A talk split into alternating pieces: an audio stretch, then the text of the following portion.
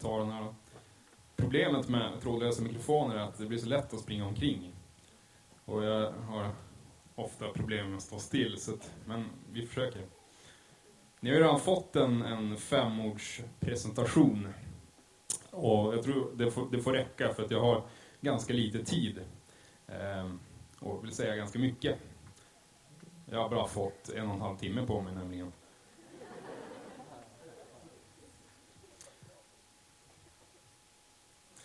Till punkt ett. Så. Nej. Det är länge sedan tro på Gud var den naturliga utgångspunkten i vår kultur. Nu är det snarare så att Gud har buntats ihop med tomtar och troll. Eller alltså, det är inte så att, att Gud bokstavligen har tryckts ihop med ett par hundra tomtar och några troll. Liksom till en boll, så. Det rimmar på troll.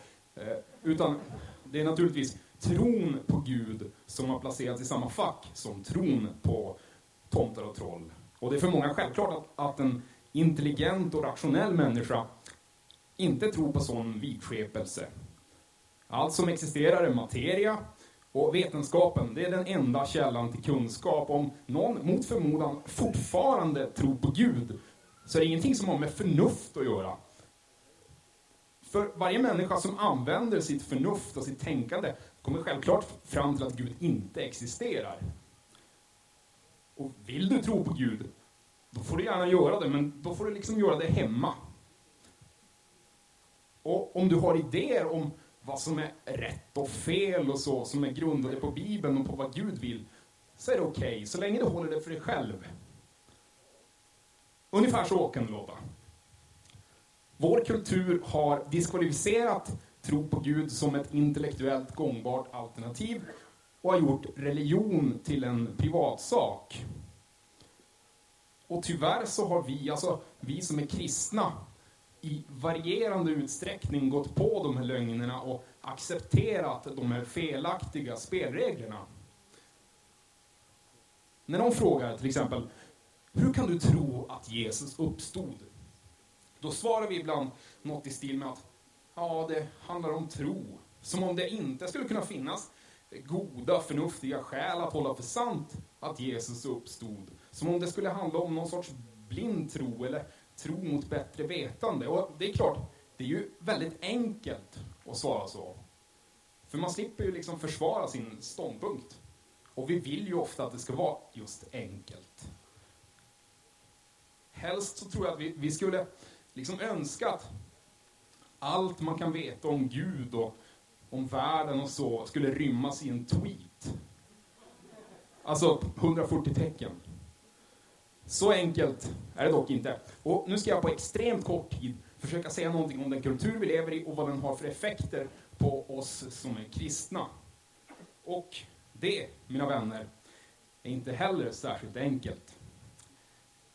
Om ni skulle ha biblarna med er Eh, så kan ni slå upp Kolosserbrevet 2 eh, från vers 6. Och hade jag haft, eh, eller varit lite, haft lite mer framförhållning så hade ni säkert kunnat läsa det där också. I alla fall, det står så här.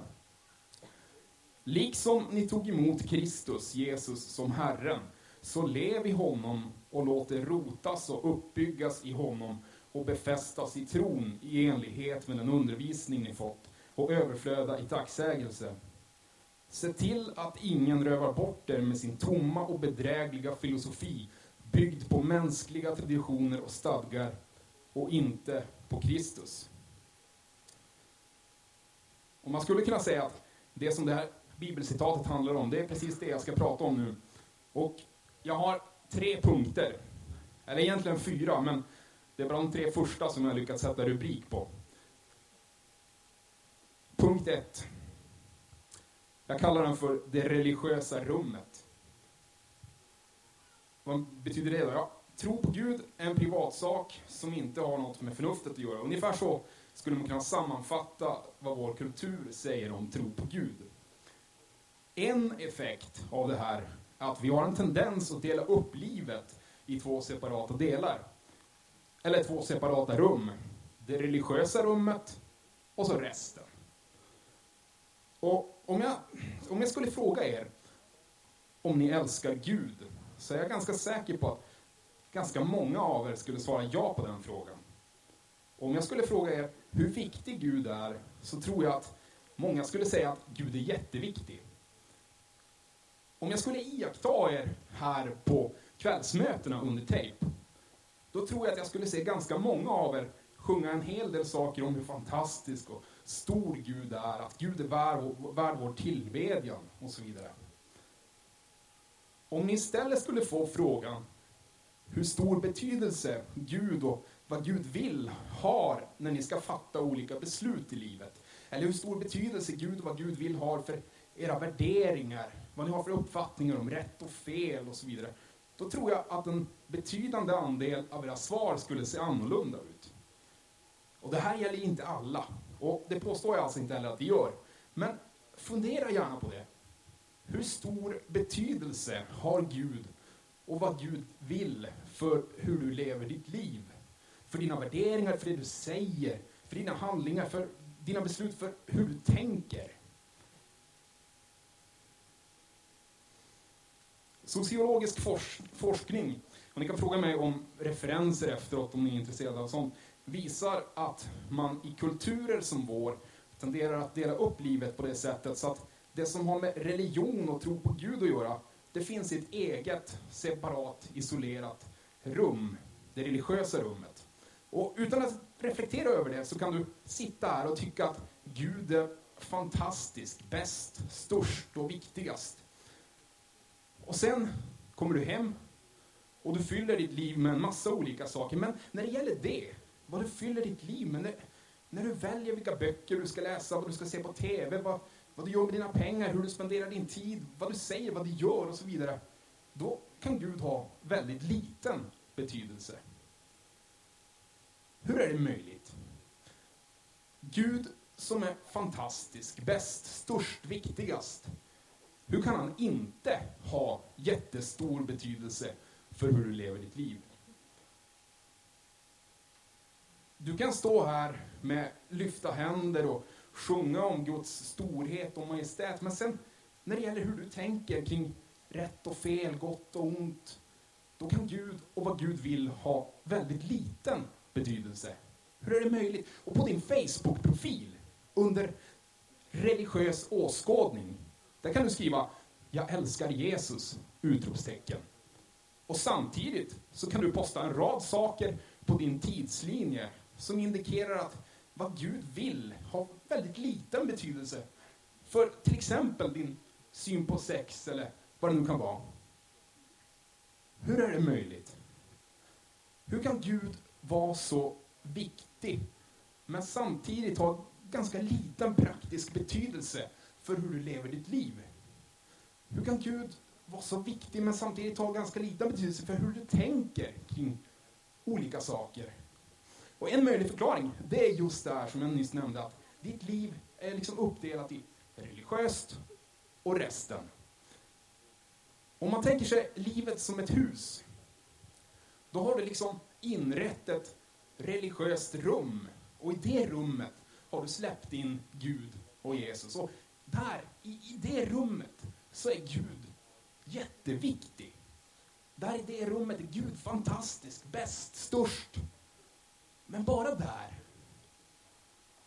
utanför det här religiösa rummet, har Gud inte alls så mycket att säga till om. Kristen tro, kan man säga, är liksom, det är din favoritreligion. Ungefär, ungefär på samma sätt som Håkan Hellström är din favoritartist. Alltså, din religion och din musiksmak, det är liksom två av de här många pusselbitarna som på något vis tillsammans eh, bildar din identitet och definierar vem du är och påverkar hur du lever ditt liv och sådär. Och Jesus, han är alltså förpassad till att vara en av pusselbitarna i ditt livs pussel. När han egentligen vill genomsyra hela ditt liv. Från början till slut. Och om vi använder pusslet som en bild så kan man säga att Jesus vill vara en del av varje pusselbit i ditt livs pussel. Så att när ditt livs pussel är lagt, då kan man liksom ta två steg tillbaka och så framträder en bild som är lik Jesus. Och det är något helt annat än att du skriver ”Jag älskar Jesus” utropstecken på din Facebook-profil under religiös åskådning. Jesus vill genomsyra hela ditt liv, varje pusselbit. Ja, men Andreas, kanske du tänker, menar du verkligen att Gud vill blanda sig i hela mitt liv? Ja. Va? Alltså, är inte Gud nöjd om man får mig liksom på söndagar klockan 11 eller lördagar klockan 19 och på ett och annat tejpläger och kanske någon konferens ibland? Nej.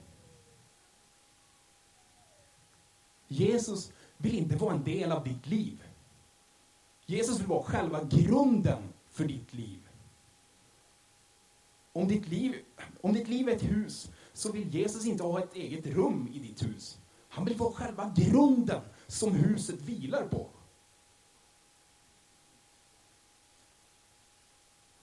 Punkt två. Sant för dig, men inte för mig. Som jag sa tidigare så har vår kultur gjort religion och tro på Gud till en privatsak som inte har något med förnuftet att göra. Och om religion och tro på Gud inte har något med förnuftet att göra så innebär det i princip att frågan om huruvida det finns en eh, religion som är sann och vilken religion som i så fall är sann, det blir en meningslös fråga. Och en konsekvens av det, det är att religion har blivit ett relativiserat område. Vad betyder det då, relativiserat? Ja, det betyder att man tenderar att tänka att vad som är sant i det religiösa rummet, det är liksom eh, subjektivt. Det är upp till var och en att avgöra vilka religiösa idéer som är sanna. Det som är sant för en person behöver inte vara sant för en annan, och så vidare. Och du kanske inte tänker exakt så här, men sannolikheten är ändå stor att du åtminstone är influerad av det här. Hur många vet vad diabetes är? Ganska många. För en diabetiker så är det generellt livsviktigt att tillföra insulin i kroppen.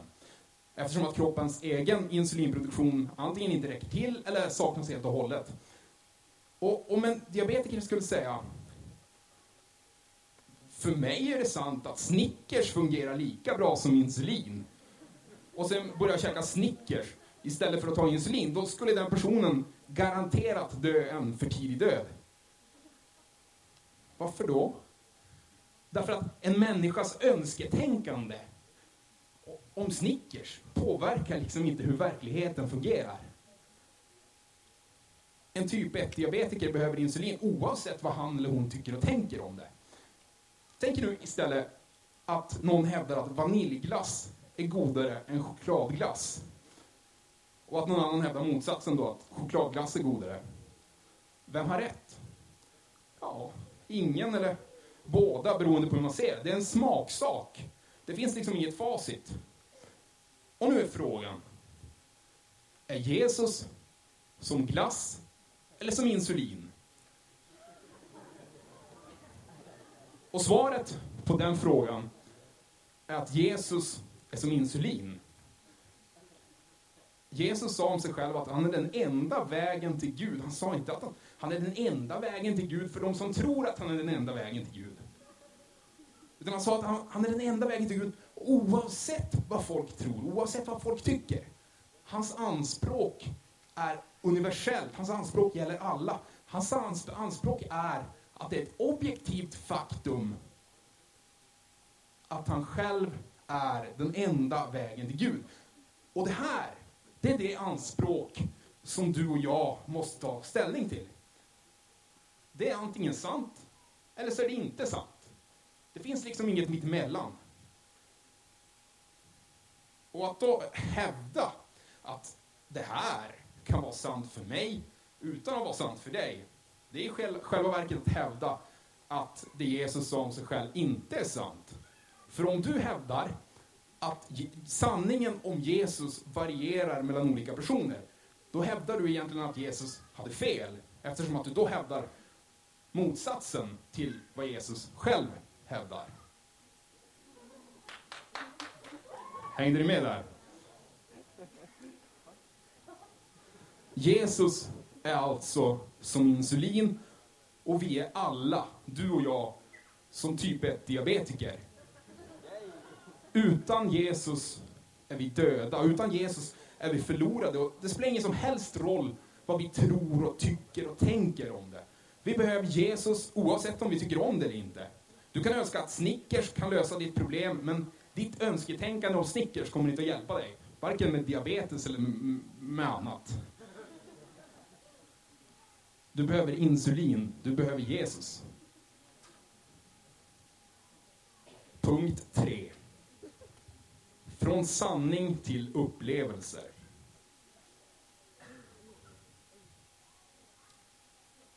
Även om du inte tänker relativistiskt om Jesus, även om du menar att Jesus faktiskt är den enda vägen till Gud, oberoende av vad folk tycker och tänker, så finns det ändå en risk för att ditt tänkande är influerat av det faktum att vår kultur har gjort religion till en privatsak som inte har med förnuftet att göra. Hur då, tänker du? Den kristna kyrkan i vår kultur har, på grund av hur kulturen har förändrats, successivt flyttat fokus från sanning till upplevelser. Och det här är naturligtvis ganska logiskt. Om tro på Gud inte har någonting med förnuft och tänkande att göra, då blir det ju naturligt att sätta fokus på upplevelser och känslor. Men om min kristna tro bara vilar på häftiga upplevelser och känslor och inte på en välgrundad insikt och övertygelse om att det som kristen tro påstår och de anspråk som Jesus gör om sig själv faktiskt är sanna. Då blir Jesus i mitt liv mer som glass och mindre som insulin. Jag fortsätter med Jesus så länge jag tycker det är trevligt. Det är som en smaksak, liksom.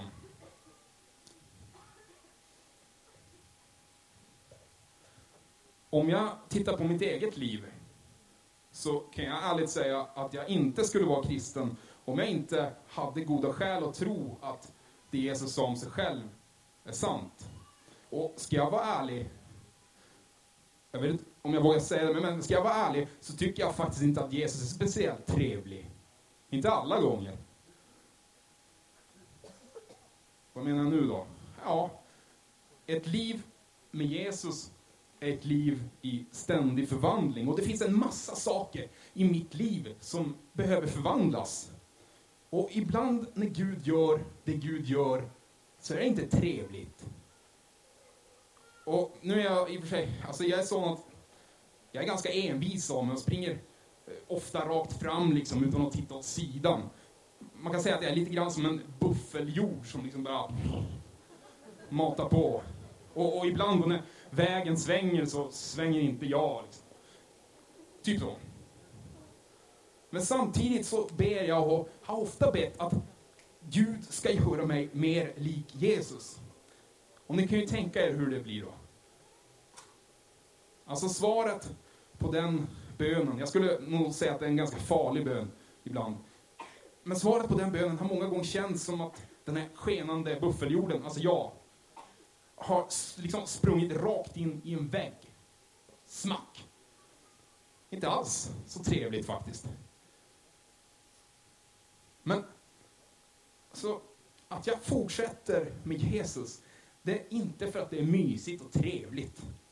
Utan för att jag är förlorad utan Jesus. Johannes evangeliets sjätte kapitel berättar om en hel del saker, men Jesus han säger en hel del saker som folk upplever som väldigt jobbiga. Och efter att han har sagt det så står det i den sjätte versen, alltså det är sjätte kapitlet, sjätte, sjätte versen, 6, 6, 6, ja, number of the beat, ja. Men, har ingenting med saken att göra. I, i, i alla fall, i den versen så står det, och efter liksom att Jesus sagt de här sakerna, så står det att många av hans lärjungar slutade följa honom. Och så vänder sig Jesus till sina närmsta lärjungar och så frågar han om inte också de ska gå. Och så svarar Petrus, Herre, till vem skulle vi gå? Du har det eviga livets ord. Och det här är min tanke också. Alltså, det spelar ingen roll att det inte är så mysigt och trevligt med Jesus alltid. För till vem skulle jag gå? Vad är alternativet? Punkt 4. Punkten utan namn.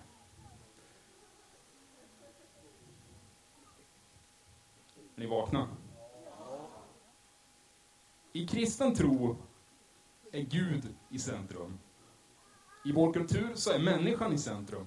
I kristen tro är Gud Gud. I vår kultur så är människan Gud. Enligt kristen tro så är Gud det högsta. Enligt vår kultur så är människan det högsta. Det finns många och viktiga punkter där kristen tro och Bibelns budskap motsäger saker som sägs i vår kultur. Saker som sägs i tidningar, i film, i TV, på nätet, i böcker och så vidare. Du och jag utsätts konstant för budskap från vår kultur. Och det påverkar oss. På ett sätt så är det inget problem att vår kultur ser ut som den gör. Det är mer av en utmaning än ett hot skulle man kunna säga. Problemet uppstår, uppstår när vi inte ser att saker som proklameras som sanning i vår kultur egentligen är lögn. Hur känner du igen en lögn? Ja, alltså en förutsättning för att känna igen en lögn, det är ju att du vet hur det egentligen ligger till. Om någon påstår till exempel eh, att Älvsbyn är Sveriges huvudstad, så vet du att personen ljuger bara om du vet att Älvsbyn inte är Sveriges huvudstad. Älvsbyn är inte ens en stad. Hur många är från Älvsbyn förresten? Oj, förlåt. Eller förlåt, det är ju sant att Älvsbyn inte är någon stad. Ja. Det här, det här gäller inte alla, men sannolikheten är stor att åtminstone vissa av er, eller många, jag vet inte, saknar både den kunskap och de verktyg som krävs för att kunna se att mycket av det som sägs i vår kultur frontalkrockar med kristen tro. Och jag vill inte påstå att det är ert fel. Det finns liksom en idé i kyrkan som går ut på att ungdomar inte har kapacitet att hantera den substans som faktiskt finns i kristen tro. Så istället för ett förklarande och försvarande av kristen tro så blir liksom ungdomsverksamheten, det blir som ja, innebandy, kladdkaka och i bästa fall en liten andakt på slutet. Och nu vet jag att jag generaliserar kraftigt och att det inte alls ser ut så här överallt, men konsekvensen av detta blir en variant av kristen tro som egentligen inte är kristen tro. Och den här varianten kan man sammanfatta så här. Det finns en Gud som har skapat världen och han vill att människor ska vara snälla och så. Och det centrala målet med livet är att vara lycklig och känna sig tillfreds med sig själv och sådär. Och du, du lever själv ditt liv och Gud är inte alls så särskilt brydd. Gud behövs egentligen bara när du vill att Gud ska lösa ett problem åt dig. Då, då vänder du dig till Gud. Och goda människor kommer till himlen när de dör. Det där låter väl bra? Eller? Oavsett hur det låter så är det där inte kristen tro.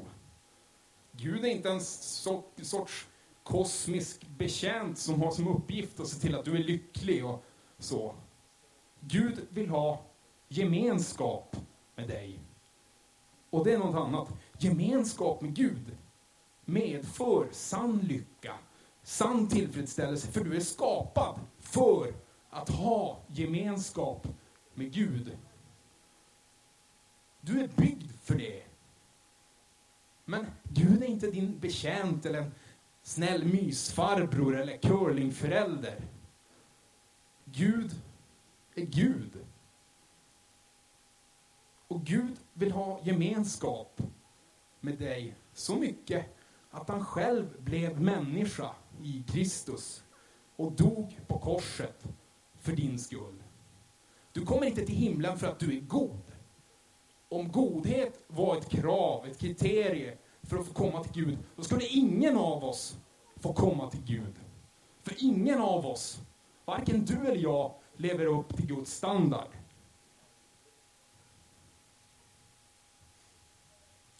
Vi gillar liksom det här med att kristen tro minsann inte går ut på att vi ska klättra upp till Gud, utan att Gud istället så att säga klättrat ner till oss. Vi, vi tilltalas av tanken på att Gud frälser oss av nåd. Och det är helt fantastiskt.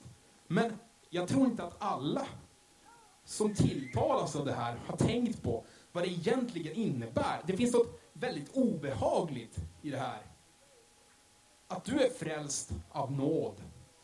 Det innebär att Gud räddar dig trots att du egentligen inte förtjänar det.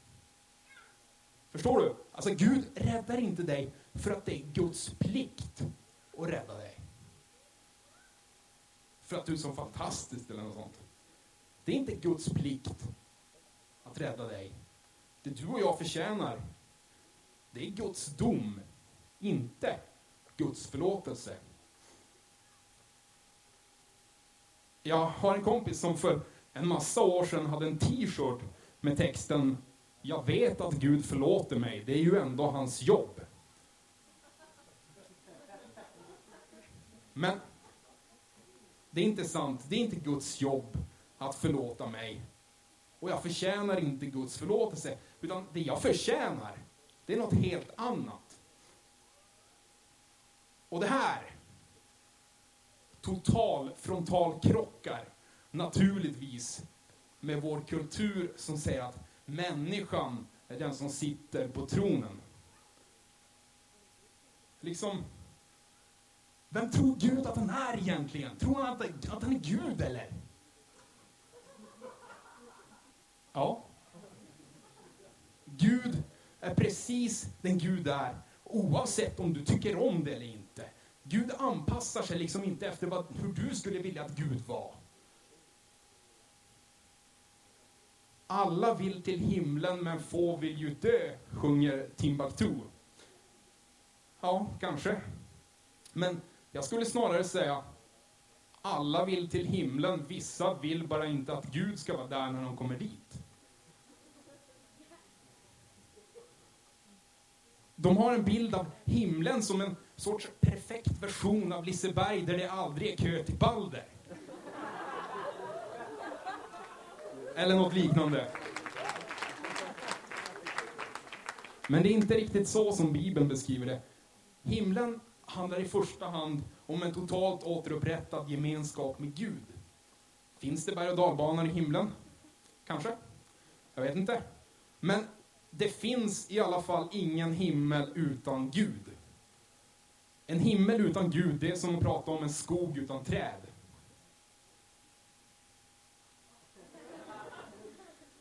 Och det här kanske gör vissa människor besvikna. Det är möjligt. Hur är det med dig? Vill du ha gemenskap med Gud eller är du mer ute efter ett sorts kosmiskt nöjesfält? Svaret på den frågan är faktiskt inte alls särskilt självklart. Men en sak är i alla fall säker. Gud vill ha gemenskap med dig. Gud vill ha gemenskap med dig så mycket att han själv blev människa i Jesus och dog på korset för din skull. Gud tog själv konsekvenserna av din och min synd. Inte för att vi förtjänar det, utan för att han älskar oss. Paulus skriver så här. Gud bevisar sin kärlek till oss genom att Kristus dog i vårt ställe medan vi ännu var syndare. Romarbrevet 5 och 8. Nu ska jag avsluta med ett citat. Ehm, en grej som C.S. Lewis har skrivit, eller som C.S. Lewis skrev i The World's Last Night. Men innan jag gör det så vill jag bara säga att ni får jättegärna komma och prata med mig om ni tycker att jag har sagt något som är jättekonstigt. Eller så. Ni får gärna prata med mig i alla fall. Men, ja.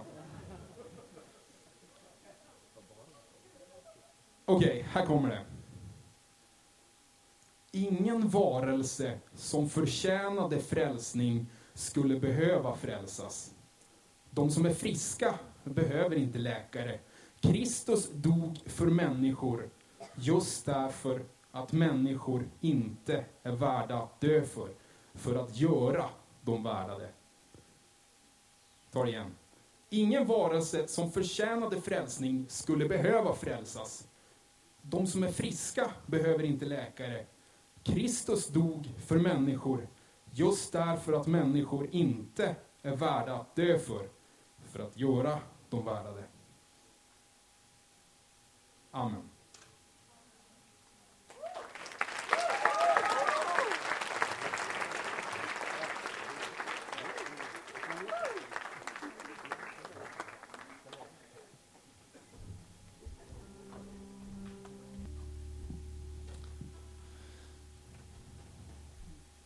Varsågod och sitt ner. Tack så mycket Andreas. Ehm, den som ska fortsätta den här eh, kvällspredikan är Jan Sköld. Och eh, jag tänkte bara säga så här att första gången jag träffade Jan var jag typ 20 år gammal. Det är ett tag sedan. Vi behöver inte säga hur många år, men några år var det. Ehm, och alltså jag tyckte han eller du var alltså läskig. Ehm, lite underlig. Så att jag gjorde faktiskt så att jag höll mig, höll mig borta.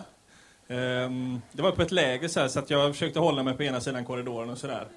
Ehm, alltså på andra ja.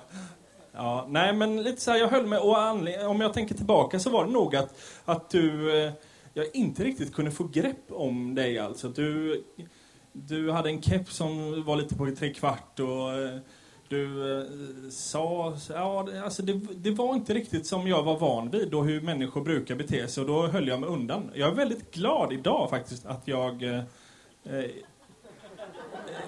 eh inte att jag höll mig undan, utan att jag inte, att jag inte flydde, utan att... Eh, ja, mig, ja. Nej, men att för mig har, det, har jag upptäckt Jan som en... Eh, alltså oerhört mycket kärlek, oerhört mycket uppmuntran och mycket sanningssägare. Eh, och ibland kan det vara, ha i mitt liv varit lite jobbigt för att man, eh, när någon säger någonting som är sant men som man inte riktigt fattar så tror man ju att den har fel först. Och då springer man över till den andra sidan av korridoren. Men jag har lärt känna Jan verkligen som mycket kärlek och mycket sanning och mycket uppmuntran. Det hoppas jag att ni också ska få lära känna ikväll. Och vi ska be nu tillsammans för den här kvällen. Eller för kvällen ska vi inte göra. Ja, just det. Jag, jag somnar lite kanske under... Ja. Eh, Jesus, tack för Jan och tack för det du har lagt på hans hjärta att dela för oss ikväll. Ber att du också öppnar våra hjärtan till att ta emot vad du vill säga till oss i att genomskåda den här världen och dess tankesätt och attityder. Be Jesus om din ledning och din välsignelse och att du öppnar ditt ord och visar mer vem du är. Amen. Ja, det var ju, jag behöver inte tala om vad jag heter, det har vi hört nu.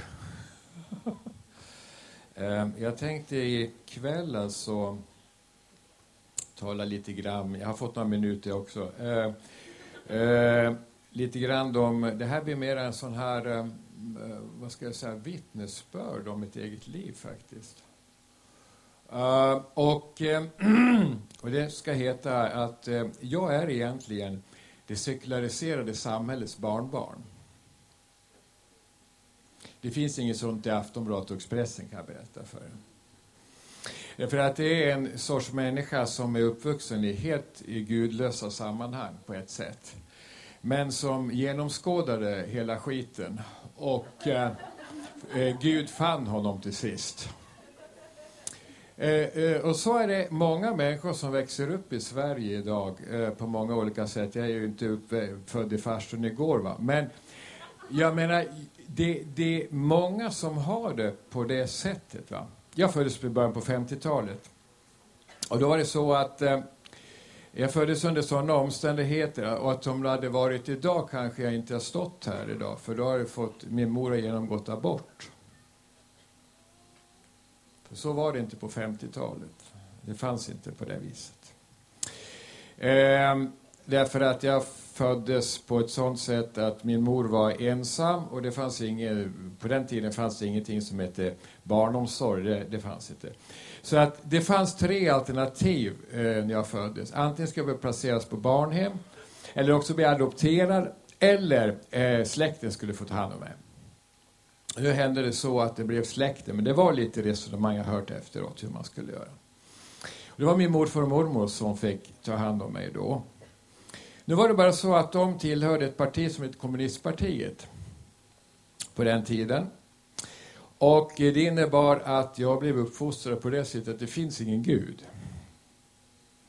Eh, och jag lärde mig små ramsor när jag var barn. Den som är stor och stark går till Folkets park och den som är liten och klen går till Frälsningsarmén. Eh, ja, det kan man säga. Det är en bra början på ett liv.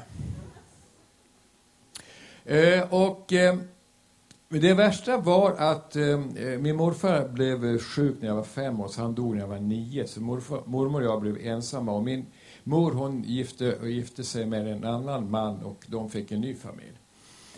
Eh, nu var det bara så att eh, nu skulle då jag eh, fick barnpension, hette det på den tiden. Och det innebär att socialtjänsten gjorde razzior i vårt hem. Eh, svenska staten alltså. Och eh, tittade om jag hade eh, lakan i min säng. Mycket igenom hur det gick till. Min mormor grät alltid när de där fina paranta damerna från Kopparbergs läns länsstyrelse hade gjort sina razzior eh, ifrån Falun. Och eh, det gjorde ju att eh, redan då så fick jag en sån känsla för att det här är ett ruttet samhälle. Alltså. Tyvärr så har det inte ändrat sig i min uppfattning. Eh, utan eh, utan eh, det här det är någonting som inte stämmer. Alltså, det finns ett hyckleri. Och det är lögnaktigt. Och det, är, det finns någonting som... Eh, så när jag gick i skolan, jag var ganska smart i skolan, hör och häpna. Men i alla fall, så jag fick bra betyg. Man fick betyg från årskurs två på den tiden. Så då sa min lärare till mig så här, ja men alltså, det, det går bra för dig trots din bakgrund. Jag menar att en sån bakgrund som jag hade borde man inte vara så smart. Va? Det var ett ord på vägen kan man säga.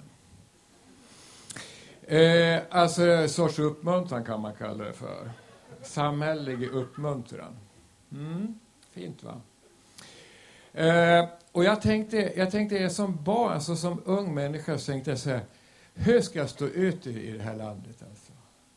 Hur ska jag stå ut? Och det, det hände saker och ting eh, under resans gång. Va? Och jag upplevde hela tiden hyckleriet. Det vuxna människor som de sa en sak, men man tittar på dem så menar de något helt annat. Är det någon som har varit med om det? Va? Har ni? Ja, då så, då sitter vi i samma båt. Eh, och det där var ett blev problem för mig hela tiden var att jag upplevde att det fanns ingen sanning någonstans. Partiet, vi var där, jag kan berätta en sån där episod när jag var åtta år, det fanns ingen bris på den här tiden. Va? Och, eh, så jag var med och eh, de skulle ha lite eh, eh, eh kväll där och då var det starköl. Så jag var med och serverade när jag var åtta år. Och eh, så blev medlemmarna på örat under kvällen och då kom de in och sa att nu ska vi servera så lättöl med samma pris. Det är bedrägeri. Ja, ljuger jag? Ja. Men så det var. Tyvärr är det så nu också. Och jag blev för, alltså, det började när jag var 8-9 år. Jag kunde, och det här var i skolan. Jag vantrivdes i skolan. Jag fick bra betyg och, och så vidare. Men jag vantrevdes därför det var inte äkta. Man sa en sak, man menade något annat. Och du vet, när man är ett barn, om man är en ung människa, så genomskådar man det där ganska snabbt. Jag mådde dåligt. jag tänkte, vad ska man göra? Kanske skulle börja supa eller ta knark. Nej, det gjorde jag inte. För jag tänkte, det finns ingen anledning. Så roligt ska de inte få.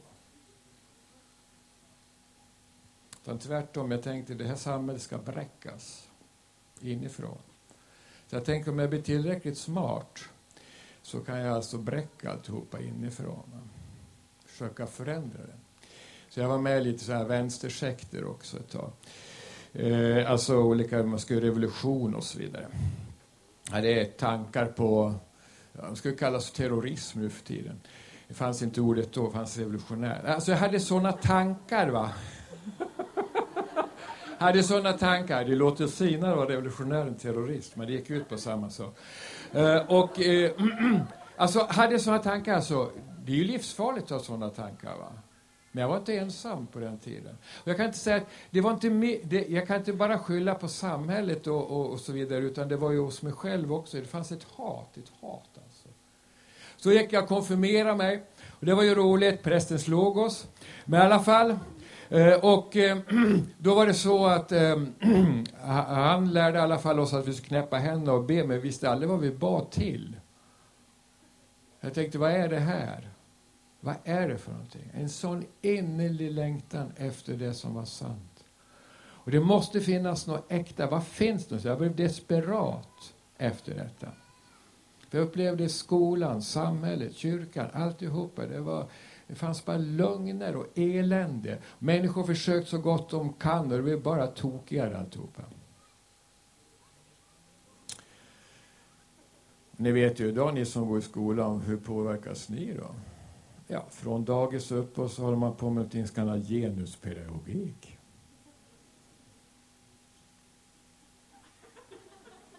Vad är det för någonting?